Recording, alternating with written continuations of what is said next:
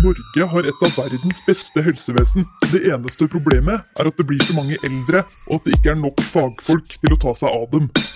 Egentlig så har vi ganske mange helsepersonell i Norge, men et av problemene er at mange slutter etter ti år i yrket. Så da spør jeg dere politikere, hva har dere egentlig tenkt til å gjøre? Ikke bare for å rekruttere nye sykepleiere, men også beholde de som er her. Det tror jeg er et litt stort spørsmål å svare på når podkasten begynner om få sekunder. Everyone clear. Do not touch patient.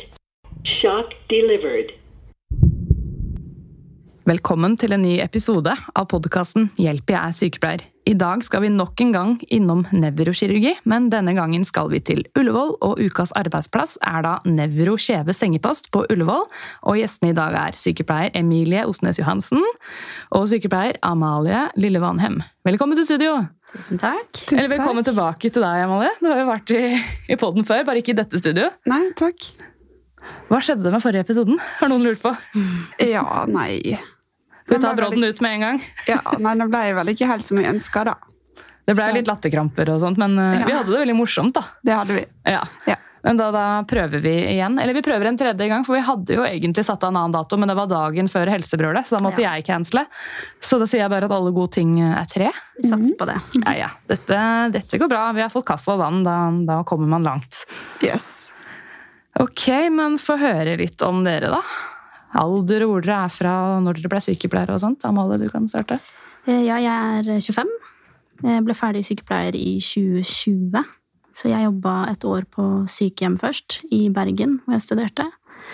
Eh, Og så har jeg jobba på nevrokirurgen etter det. Du ble ferdig sykepleier når korona brøt løs som verst. Hvordan var det? Eh, Det var jo en stressende periode, men jeg syns også det var litt spennende. Ja. Det var jo noe helt nytt. I hvert fall på sykehjem er det jo ganske pressa, en pressa situasjon. Men uh, lærte mye på kort tid.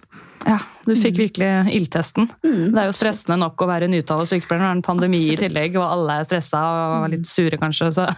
Ja, men vi kom godt ut av det, syns jeg. Ja. Så det, Ja, men det er, det er bra. mm.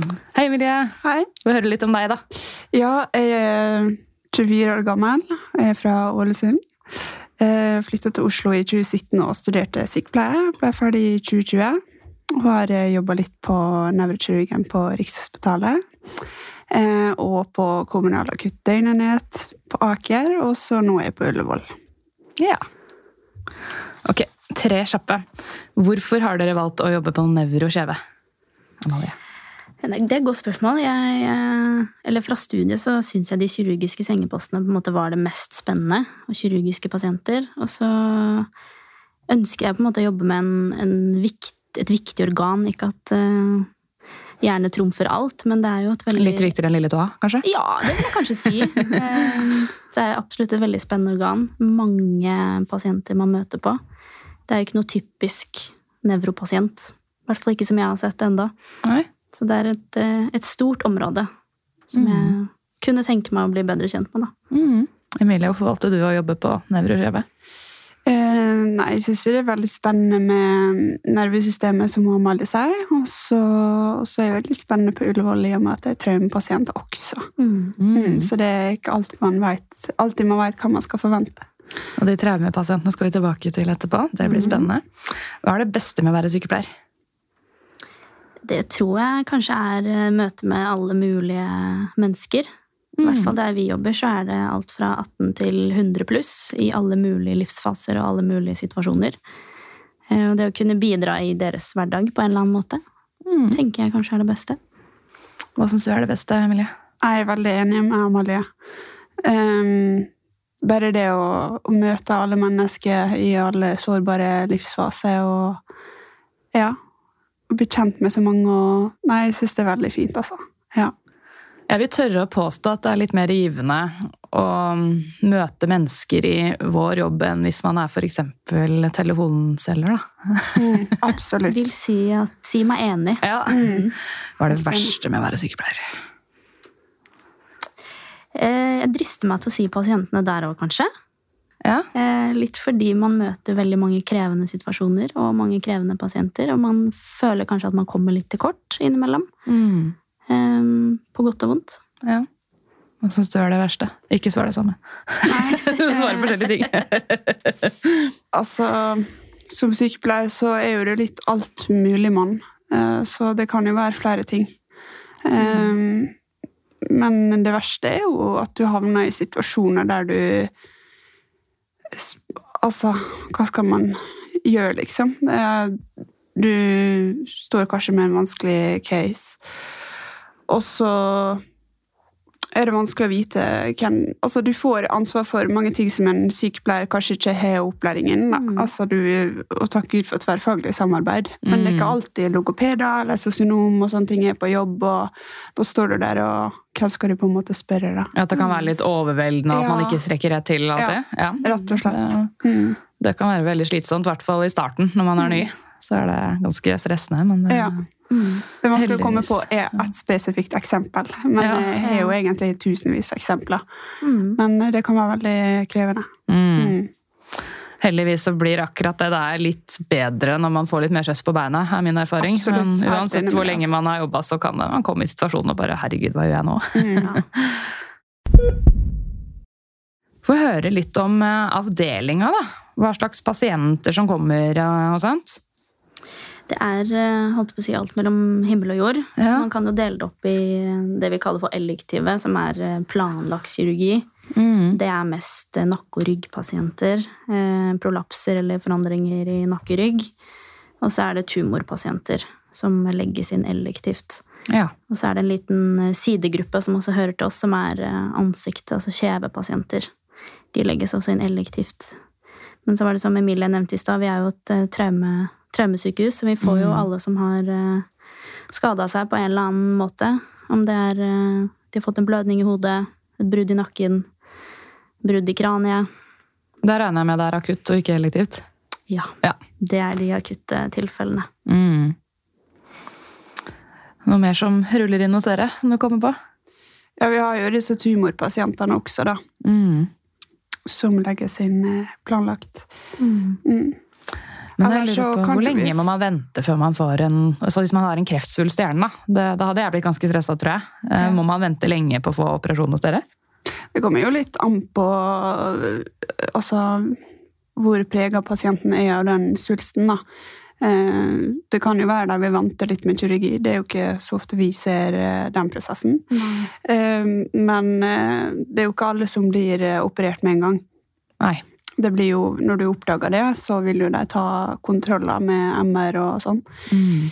Um, og så se om den eh, vokser, da. Ja. Mm. Det er ikke så lenge siden jeg slapp en annen episode om eh, nevroavdeling. og Det var da nevrokirurgisk på Riksen. Mm. Så vi prøvde å snakke litt om forskjellene på Ullevål og Riksen. For på Riksen der har de på en måte både sengepost og intermediær og overvåkning. Men der dere jobber, så er det kun sengepost. Ja. For de har en egen nevrointensivavdeling på Ullevål òg, er det ikke sånn? Mm. Så det er vel kanskje Er noen av pasientene der først før de kommer til dere? Absolutt. Mm. Vi samarbeider tett med nevrointensiv, altså. Mm. Mm. Er det der, kommer alle ditt først på nevrointensiven? Nei, det kommer an på hva du har operert for, men vi har jo en, en vanlig postoperativ avdeling hvor de aller fleste ligger før de kommer opp til oss. Mm. Eh, Men de aller dårligste ligger enten på generell intensiv eller på nevrointensiv. Ja, og kanskje de, de- traumepasientene og sånt Ja, kommer det er de komplekse pasientene. Eh, Er det snakk om et prolaps, eksempel, så ligger de på vanlig postoperativ avdeling. Mm. Ja, det virker. Er det nevrointensiv next på dere, eller blir dere på sengepost, tror dere? Vi får se. Ja. Vi får se, ja. Men trives foreløpig veldig godt på sengeposten. ja. Mm. Der er det så mye forskjellig man gjør òg. Det er det jeg syns er litt gøy med Jeg jobber jo på sengepost selv. Det er jo herregud så mye forskjellig man gjør. Masse. Ja. Så syns jeg det kjekke med sengepost er at du løper rundt. Altså sånn ja, det er en elsk-hat-greie.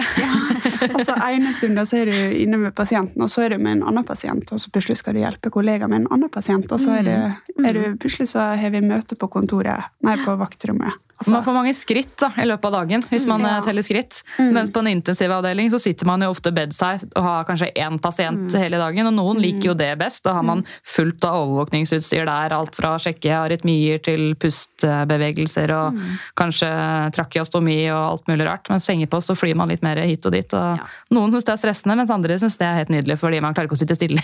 Så Kanskje hvis man har ADHD, så er det veldig fint å jobbe på sengepost. Ja. Det kan være. Det er sant. Jeg skal ikke disse folk med ADHD. Jeg skal faktisk lage en egen ADHD-episode etter hvert. Ja. Ja. Det var en liten digresjon. Um, skal vi høre litt om disse skjeve slash traumepasientene, da? Mm. Du ville si litt om det, Amalie? Det kan jeg gjøre. vet du. Det er jo eh, todelt der også. Det er de på en måte elektive, planlagte skjeve kjevepasientene. Det er som regel ganske unge pasienter som gjør en eller annen form for eh, bittkorreksjon, som regel, ved at de flytter enten overkjeven eller underkjeven, eller begge deler. Enten fram eller tilbake. Ja, De som har overbitt eller underbitt styrt? Enten overbitt eller underbitt, eller hvis de har det man kaller et åpent bitt, hvor tennene på en måte ikke møtes Oi. så gjør de en, en korreksjon av det bittet.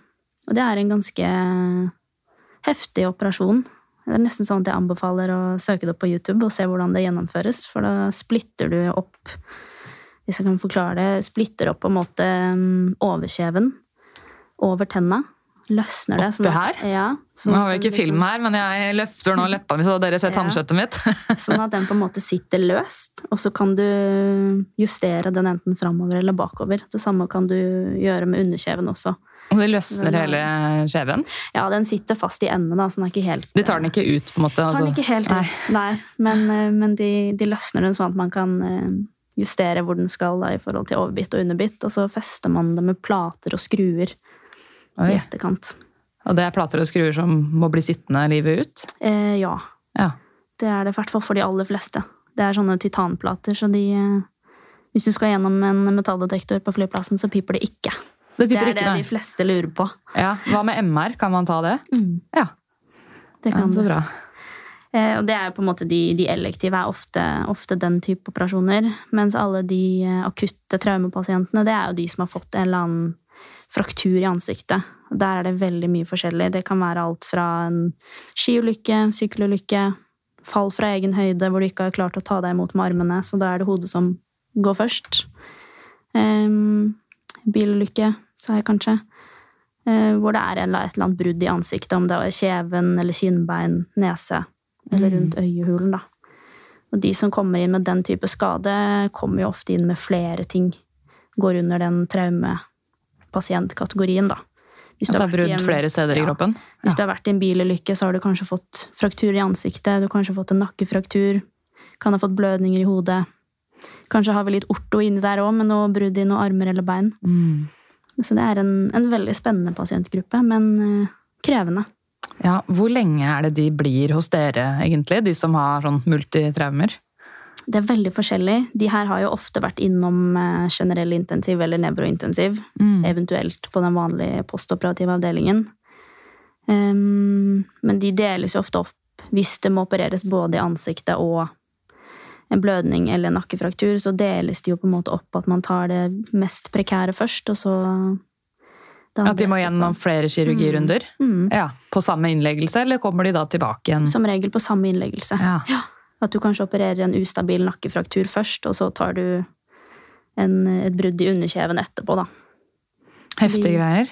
Det er ganske heftig, og det er jo eh, Ofte så er det kanskje pasienter som har eh, litt ekstra i bagasjen hvis du har vært gjennom et voldstraume eller Mm. eh, selvpåført bilulykke. Så det er masse. Selvpåført bilulykke? At de har krasja med vilje? Mm. Oi, wow. Ja, gjør dere noe jeg si, tverrfaglig samarbeid da, med de pasientgruppene? Det gjør vi absolutt. Ja. Eh, Det er mange forskjellige instanser innom. Vi bruker mye En ting er fysioterapeut. Det er på de Det er vel det vi bruker mest, vil jeg egentlig si. Eh, Og så er det sosionom, kanskje spesielt på de eh, pasientgruppene som har litt ekstra i bagasjen. Så har de ofte Mm. krav på sosionom òg. Så er det logoped, ergoterapeut, eh, ernæringsfysiolog, psykiater er også innom. Mm. Så det er eh, mye samarbeid med andre. Ja, for det blir litt sånn kompleks med både somatikk og psykiatri, kanskje, Mm. på enkelte av de pasientene. Det gjør det absolutt. Men de som har mange traumer da, og må opereres flere ganger, er de hos dere liksom uker eller måneder? Bare for å få et sånn ish-perspektiv. Eh, ikke mer enn uker. Vi er aldri oppe i måneder. Det er Nei. sjelden. Da flyttes de over til annen avdeling, kanskje? Ja, det kommer jo helt an på um, vi har jo på en måte en lokalsykehusfunksjon for noen, men for de aller fleste så er det jo et lokalsykehus som, som tar de imot når de er ferdig behandlet hos oss da, og kan følges opp på lokalsykehus. Ja, Og så skal de kanskje videre på rehab, noen av dem. Mm. Ja. Noen sendes til um, FysMed, fysikalsk-medisinsk avdeling som vi har på Ullevål. Uh, og så er det Sunnaas, også mye, mye brukt for disse pasientene. Er det noen av de som får lammelser? Ja, det er det absolutt. Ja. Eh, noen har en, får en fullstendig det man kaller en tverrsnittskade, hvor du blir på en måte lam fra skadestedet og ned. Man blir rullestolpasient, da. Mm. Mens noen har en halvsidig lammelse, kanskje bare en arm, et ben. Så det er uh, mye forskjellig. Mm. Hva er typiske sykepleierprosedyrer til de pasientene her? Åh, Det er vel nesten alle prosedyrene man eh, noen gang har hørt om, tror jeg. Ja. Eh, Det er jo blodprøver, PVK, CVK. Noen får sonde, enten nasalsonde eller PEG-sonde. Mm. Noen får blodoverføringer. Så det er eh, alt. De fleste har jo kateter. Mm. Så det er eh, Jeg tror vel, hvis det er en prosedyre du kommer på, så kan du mest sannsynlig møte den prosedyren hos oss, da. Er det mye sårstell? Eller bandasjeskift? Det er mye bandasjeskift, men de Ja. fleste sårene er jo på en måte rene kirurgiske sår uten noe på en måte infeksjon. Men Mm. Men infeksjoner kan vel også kanskje skje? det kan også skje. Det blir mye antibiotika, da. Mye. Ja, er hver dag er det en del av arbeidsdagen. ikke sant. Um, Hva slags observasjoner er det dere gjør som er typiske for disse pasientene? For traumepasientene. Mm. Eller de, det er mye forskjellig. En ting er jo eh, litt som har blitt nevnt i tidligere podkaster, det med GCS. Glasgow Coma Scale? Yes. At du er eh, Responderer på altså verbal respons og motorisk respons og øyeåpning er jo noe vi tester daglig. Mm. Eh, Ikke bare hos de pasientene, men hos de med kun blødninger, f.eks. Smerte er noe vi er mye innom. Eh, På kjevepasientene så er det mye med kvalme, hevelse. Eh, Og så er det dette med om det er noen nye utfall. Hvis du har hatt bevegelighet i alle fire ekstremiteter og får et nytt utfall i en arm eller et bein, så er det noe man må, må ta på alvor. Så det er mye man skal følge med på, så det gjelder å ha tunga rett i munnen. Ja. Hvis dere ser noe avvik på Glasgow Coma Scale, at man scorer lavere og lavere, eh, hender det de må flyttes tilbake til intensiven? Absolutt. Ja. Vi får jo litt um, føringer på de som kommer opp fra um, enten postoperativ eller fra en intensivavdeling. Um, at dersom de faller så og så mye i GSS, så skal det kanskje tas et nytt setebilde. Um, og ofte så kan det hende at de overføres tilbake til en intensivavdeling, da. ja. Litt basert på kanskje setebildet også, om det er en reblødning, eksempel. Er det skummelt at eh, du har det store ansvaret med å passe på bevisstheten og hjernen og alt det Det er jo et, eh, et veldig viktig organ, så man blir jo liksom, man føler at man har det i sine hender. Men eh, vi er jo på en måte såpass mange på jobb at jeg kjenner vel på en, en trygghet rundt det. I hvert fall nå. I starten så var det kanskje mer ubehagelig. Fordi Mm. man hørte om at hvis, eh, hvis pasienten faller i GCS, så kan det være snakk om en reblødning, og da tenker man jo det verste. Men eh, vi har et såpass godt samarbeid på avdelingen at eh, det er ikke noe jeg daglig bekymrer meg over. Det er det ikke. Nei. Får man god opplæring? Ja, det vil jeg si. Man får både faglig hva skal man si, undervisning, og så får man en, en kontaktsykepleier da, som man følger. Ja, når man er nyansatt? Mm. Ja. Hvor lenge går man med kontaktsykepleier? Og det er et godt spørsmål. Husker du det, Emilie? Jeg tror jeg hadde to Ja, opplæring. ass. sånt. Selv om jeg var sykepleier, eller jeg ikke var nyutdanna. Mm. Mm. Så jeg følte at jeg var veldig godt ivaretatt eh, når jeg begynte der. Altså. Ja, men Det er bra man fortsatt får litt opplæring. for Jeg føler sånn opplæringstider blir liksom kortere og kortere. Man skal være så effektive. ikke sant? Trenger folk ut og jobbe med en gang. Ja, det er viktig. Ja, Så jeg håper man kan liksom ivareta det, da. Mm. Så var det noe mer jeg skulle spørre deg om her, da? Mm. Er det noe mer du vil si om eh, traumepasientene, som lytterne bør eh, få høre? Bør vite? Ja. Eh, nei, ikke annet enn at det er en veldig spennende pasientgruppe. Som jeg tror kan være spennende å jobbe med for veldig mange.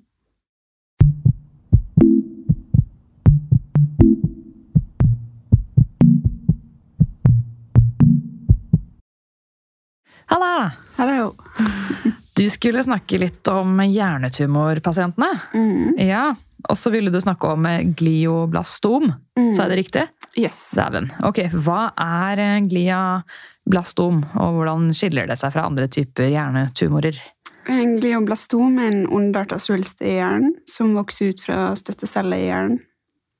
Um, og det som skiller dem fra andre typer hjernesvulster, er at uh, den er såpass alvorlig at det er Hvis den fjernes eller uh, opereres, så vil den komme tilbake. Så det er på en måte ingen kur for det, da. Nei, men hvorfor opererer man det da, hvis det uansett kommer tilbake? Eh, Det kan være for å lindre symptomene til pasienten eh, og forlenge levetida. Ja, Så det er det som man kaller livsforlengende behandling, da. Ja. ja men det er ikke noe kurativt. Nei, dessverre. Eh, ja. Behandling, det har vi egentlig sagt. Det er eh, kirurgi. Er det annen type behandling man kan få for den type hjernetumor? Ja, vi setter pasienten på dexamethason, som eh, eh, hjelper med hevelse, eller økt trykk i hodet, da. Ja, for det er steroider, ikke sant? Ja, så det Mhm. kan også lindre symptomer, da. Um, ja, og så er jo det kirurgi, eh, hvis det er relevant, eh, og eh, eventuelt stråling og cellegift i etterkant, da. Ja, Og da får de det kanskje på kreftsenteret eller på Radium? Da blir de henvist til Radiumhospitalet, da. Ja. Um, men de vil jo først ta en eh, biopsi for å sikre at det er en glioblastom, da. ja, Mm. ikke sant. Og da er det sånn kraniektomi, er det det heter? Zoom. Kraniotomi. Er det det man gjør når man tar biopsi? Man må vel bore opp skallen? Ja, man borer opp skallen, ja. Ja. Mm. Mm. Jeg syns fortsatt det høres så sykt ut. Jeg bare borer Ja. opp skallen og opererer en hjerne til folk. Men det, det er bra at noen utdanner seg til å gjøre det òg. At det er sykepleiere som passer på dem etterpå. Jeg har skjønt at uh, noen pasienter er våkne under uh, hjerneoperasjon. Ja, enkelte pasienter er det hvis, det ligger i, hvis svulsten ligger i veldig sårbare områder. Da. uh, Så kan de bli vekt under operasjon og bli bedt om å Ja, gjør ting. Da. Mm. Jeg, jeg bare kommer ikke over det. Tenk å være våken og vite at noen graver i hjernen din. Er, Ja. eh, Men det er fascinerende da, at det går an. Men eh, hva slags sykepleierprosedyrer eh, gjør dere med disse hjernetumorpasientene? Eh, Det er jo, som Amalie sa i stad, vi sjekker bevisstheten til pasienten. Um, og er veldig opptatt av eh, om pasienten fallerer da, i bevissthet. Um, ellers så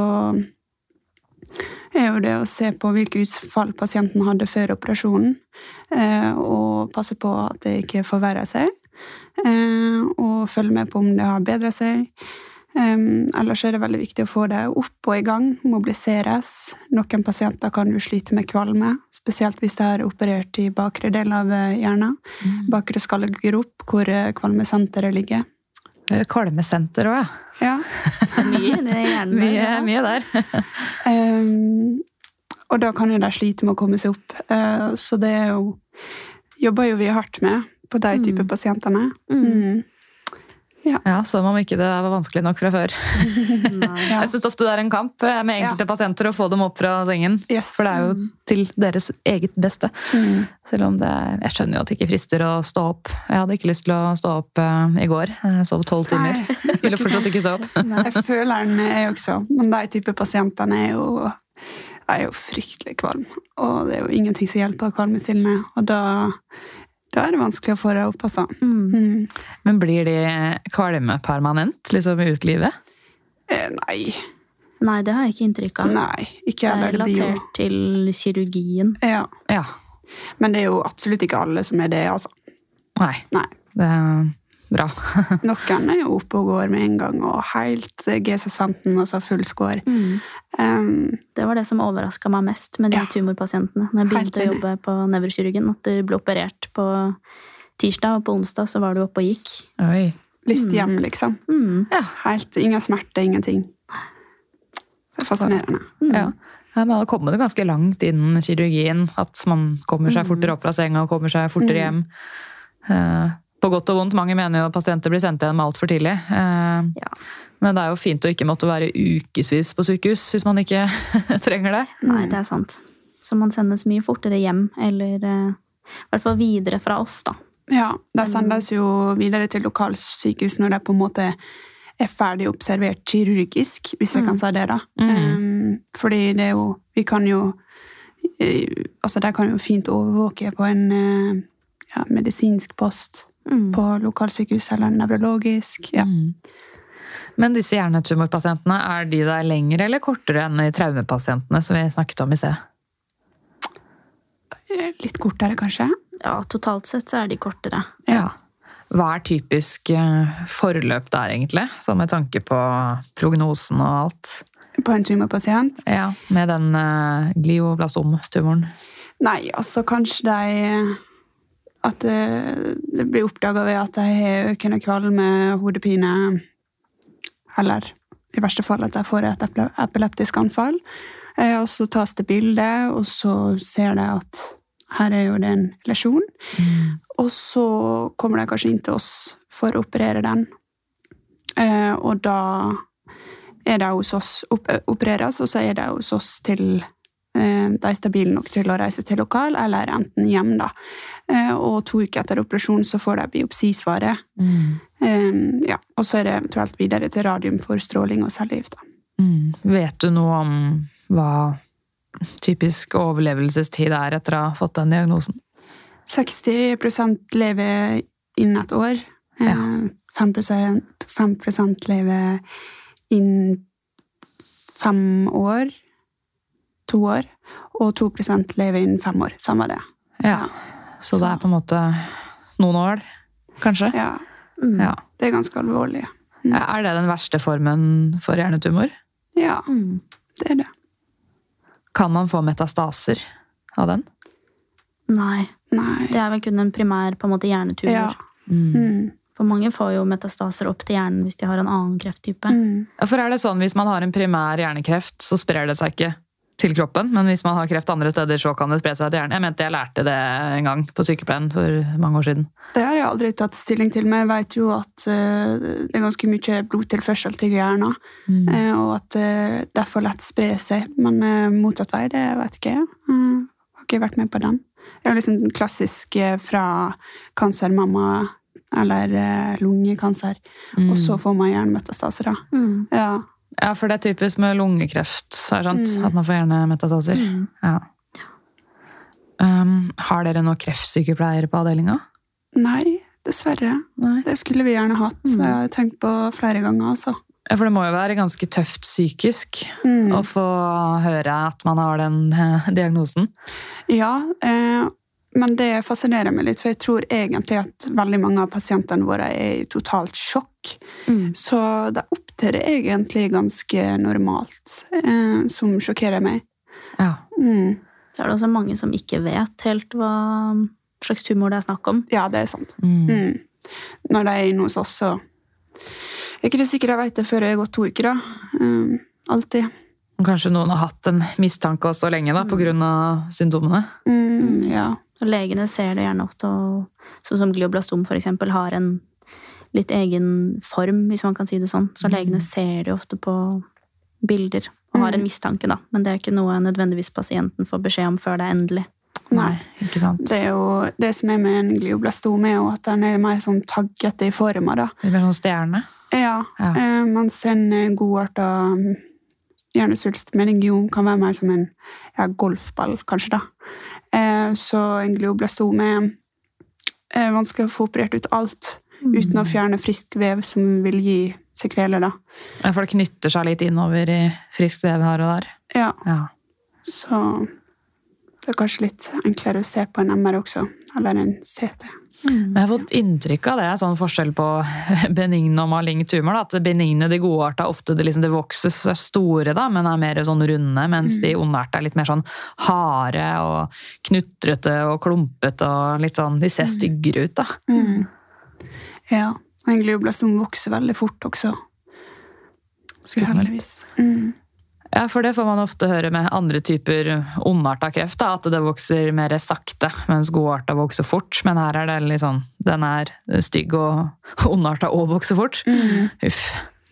Så den er fæl. Mm. Mm. Ja, nei, det er bra man ikke vet hva man skal få, Ja, tenker jeg. Ja, egentlig. veldig bra. Er det noen typiske pasientgrupper som får det? Jeg tenker på liksom alder, kjønn, eh, livsstil. Ser dere noe mønster der? Eh, det er rammer flest menn, og gjerne litt opp i åra. Eh, men altså Ikke sett noe konkret mønster, i hvert fall ikke Nei, jeg. Det er ikke, alt ikke hos fra 20-årene til ja, opp mot 80. Ja. Ikke sant? Det er jo Altså, det er la seg på nettet, men eh, altså sånn Som vi sier, det, vi ser alt mulig. Er det noe statistikk? Er det på en måte en sjelden krefttype, den glioblastom, eller er det en mer vanlig type innenfor hjernetumorer? Eh, den er sjelden. Det er 200 i Norge som blir ramma hvert år. Ok, ja, Men det er da enda godt at den Det- er sjelden. Ja. Fjo. Fint å vite neste gang jeg får hodepine. Blir total hypokonder, du nå. Blir ikke alle sykepleiere litt hypokonder innimellom? Eh, jo. Jo mer man lærer av hva man kan få, så bare å shit, er det det jeg har? Det kan jeg si meg enig i. Mm. Jeg lurer på hvor mange diagnoser jeg trodde jeg hadde i løpet av studiet. Oh, Sikkert vært ja. innom alle. Jeg faktisk eh, fikk eh, legen til å henvise meg til sånn eh, CT-abdomen. Jeg var redd jeg hadde mage- eller tarmkreft. Oi! Hadde ikke det, ikke sånn hun kunne se på det bildet, i hvert fall. Så kunne jeg slappe av litt mer etter det, for jeg hadde så mye magesmerter. Så jeg Uff fikk litt mindre magesmerter etter det. Etter Ja. at jeg visste at det ikke var noe sånn umiddelbart skumle greier. Ja.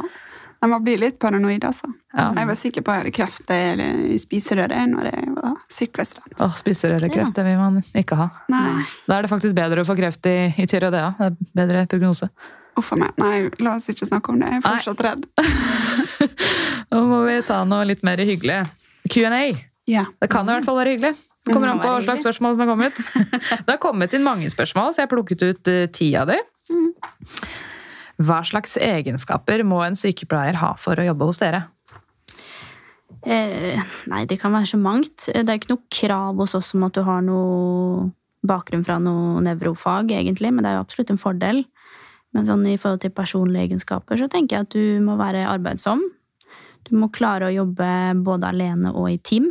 For vi jobber jo mye alene, men også, eh, som vi snakket om, tverrfaglig med veldig mange andre instanser. Så det må du på en måte kunne mestre. Så tenker jeg du må kunne mestre og at hverdagen din varierer veldig. Det er ikke sikkert du, startet, du starter med noen pasienter. Det er ikke sikkert du har de samme når du avslutter eh, arbeidsdagen.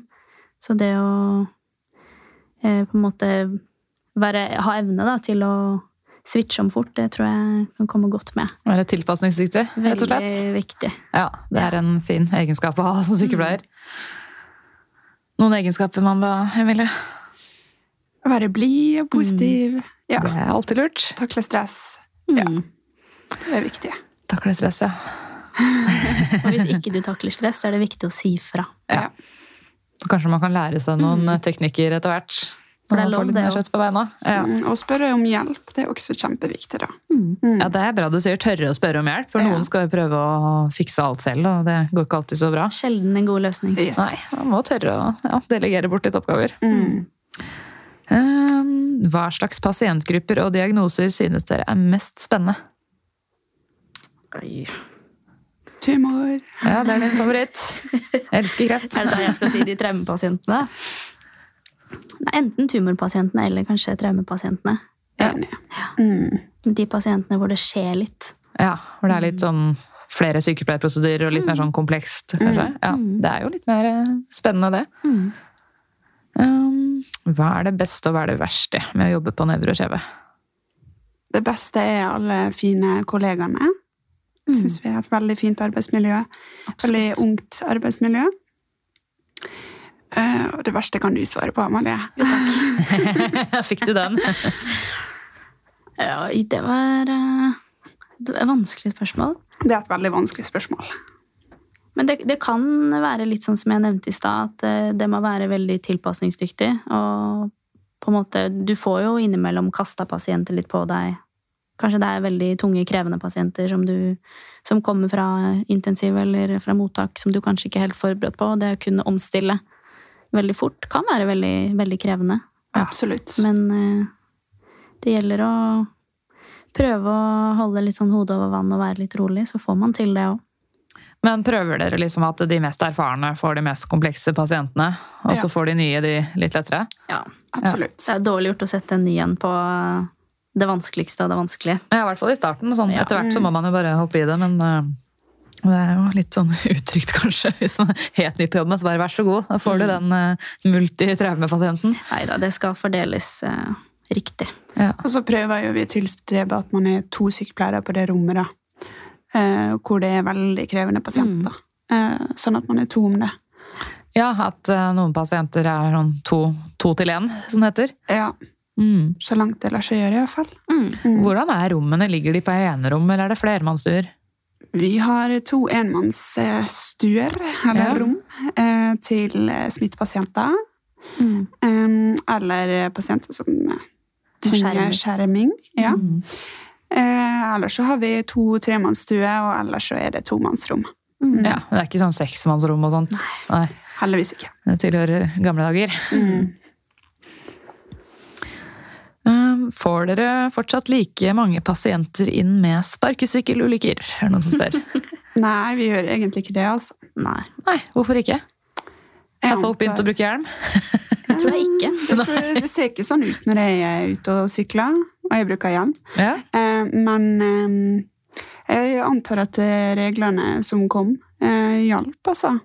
Jeg tror det hjalp mye med den regelen at de stenger etter er det 11, tror jeg. Mm. ja. Det var dessverre mange som kom inn eh, etter 11 Mm, eh, hos oss. Fylla har skylda, kanskje. Ja, og så er det jo ikke like mange syk eller sparkesykler Ikke like ute. mange. Nei. Så er det vel en eh, dyrere kostnad for eh, hver enkelt hvis det skjer noe. Som Mm. jeg tror også kanskje gjør at færre tar den sjansen. Men det er fortsatt noen. Ja da. Folk slutter ikke å tryne på sparkesykkel i fylla.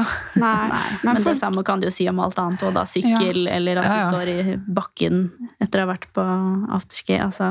Altså, folk skader seg ganske hardt av å falle fra egen høyde. Altså. Mm. Det Ja. er kanskje en ting som har sjokkert meg veldig å begynne å jobbe på Ullevål.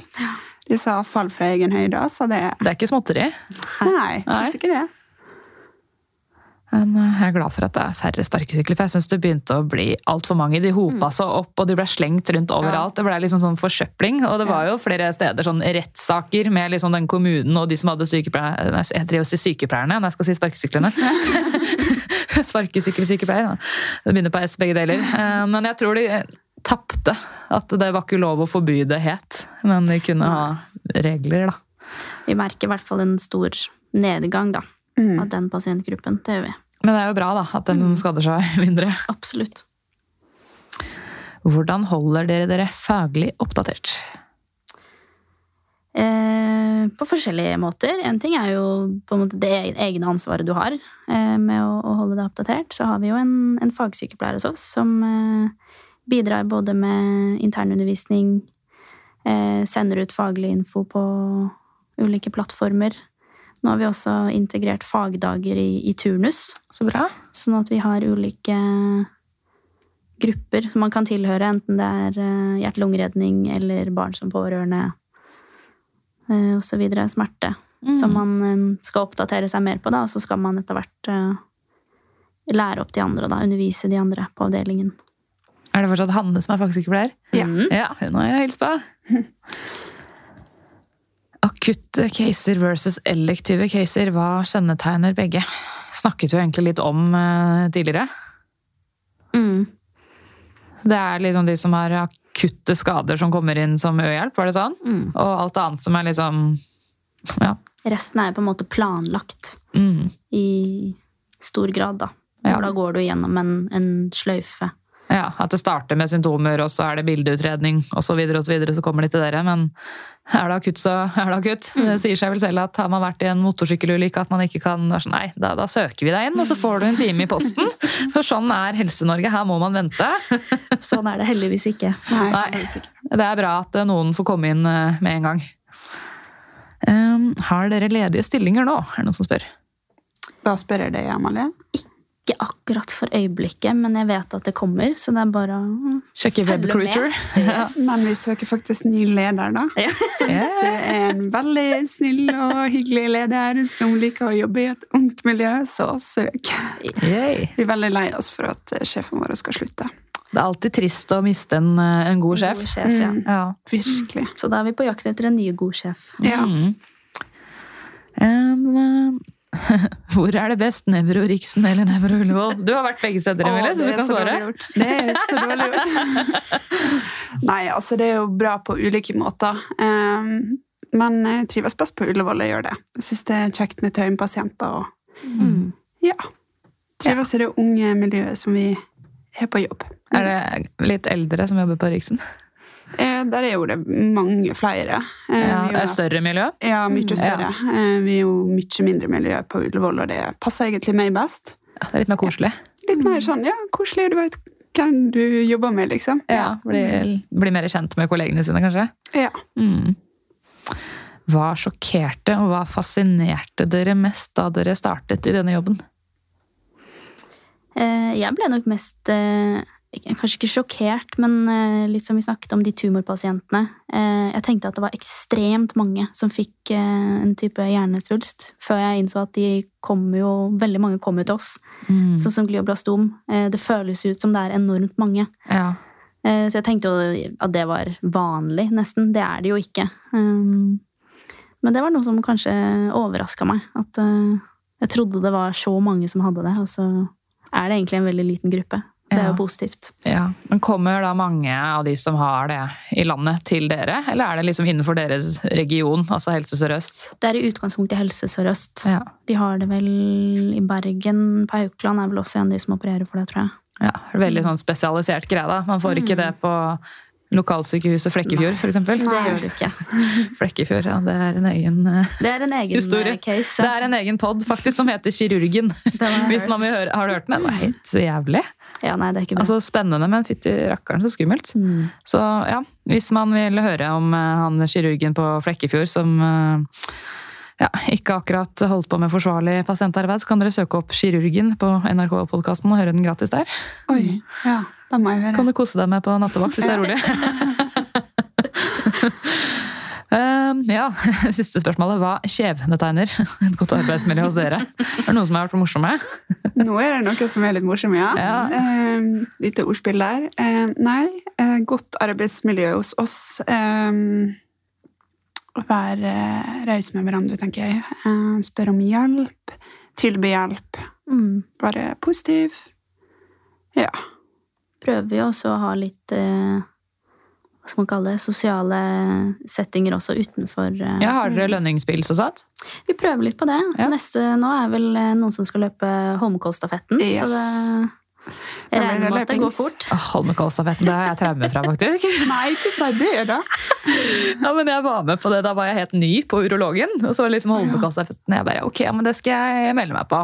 Så jeg prøvde å øve da på løypa mi, for jeg skulle løpe første etappe. Jeg bare, Det er viktig at jeg skal vite akkurat hvor jeg skal løpe. Jeg må få opp kondisen, så jeg øvde, og jeg har jo kneskader, så jeg pøste på med Voltaren. ikke sant? Løp. Jeg skulle være så flink som bare det, og jeg skulle da selvfølgelig veksle den stikken med en litt sur kirurg på jobb, hvis det er lov å si det sånn. Han, kan, han er hyggelig også, men han har en tendens til å bli ganske stressa. Og er man stressa, så blir man sur, ikke sant? Og jeg hadde ikke hilst på han før, så jeg kålte på han på jobb og bare 'Hei, jeg må møte deg, så jeg vet åssen du ser ut', og sånt. Ok, det er deg, da vet jeg, da må vi ikke miste hverandre. Hva skal vi ha på? Så vi avtalte vi skulle ha på svart. Det er det dummeste. Alle går jo med svarte tights.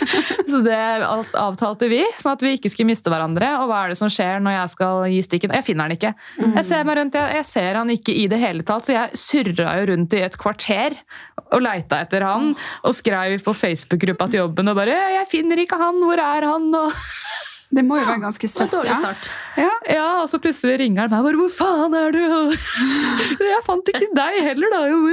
Ødelegger du alt?' 'Unnskyld, unnskyld.' Og så jeg bare, hva skal jeg gjøre nå? Skal jeg trekke meg fra alt? Nei, da ødelegger jeg for alle. Så etter at jeg hadde surra et kvarter, så bare nei, jeg får løpe en etappe til. Altså.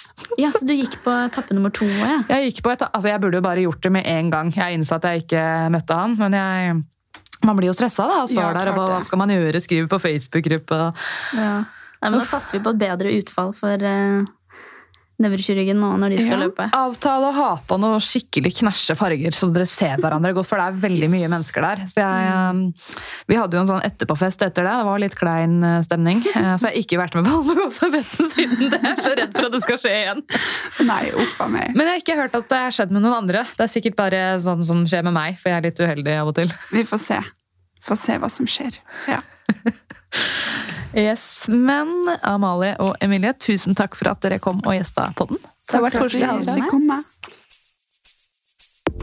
Takk for at du hørte på Hjelp, jeg er sykepleier. Hvis du likte episoden, blir jeg veldig glad hvis du vil dele den videre på relevante plattformer. Jeg blir også veldig glad hvis du vil anbefale den videre til venner, kolleger, medstudenter eller andre folk du tror kan få glede av denne podkasten. Hvis du vil få varsling neste gang det slippes en ny episode av Hjelp, jeg er sykepleier, så er det bare å trykke på abonner-knappen her hvor du hører på podkast. Hvis du vil komme med ønsker for podden, eller gi meg tips eller tilbakemeldinger, eller bare følge meg og mitt podkasteventyr, så er du hjertelig velkommen til å følge Hjelp jeg er sykepleier på Instagram. Hjelp jeg er sykepleier er også på Facebook, men det er på Instagram det er desidert mest aktivitet. Der har du også mulighet til å stille spørsmål til Q&A til fremtidige gjester av podden. Du kan også sende meg en mail, og mailadressen til Hjelp jeg er sykepleier står beskrevet i hver episodebeskrivelse.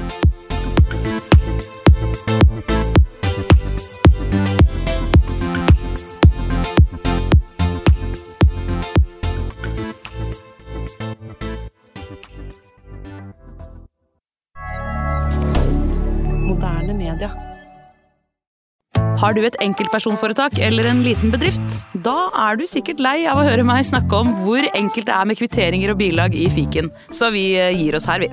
Fordi vi liker enkelt. Fiken superenkelt regnskap.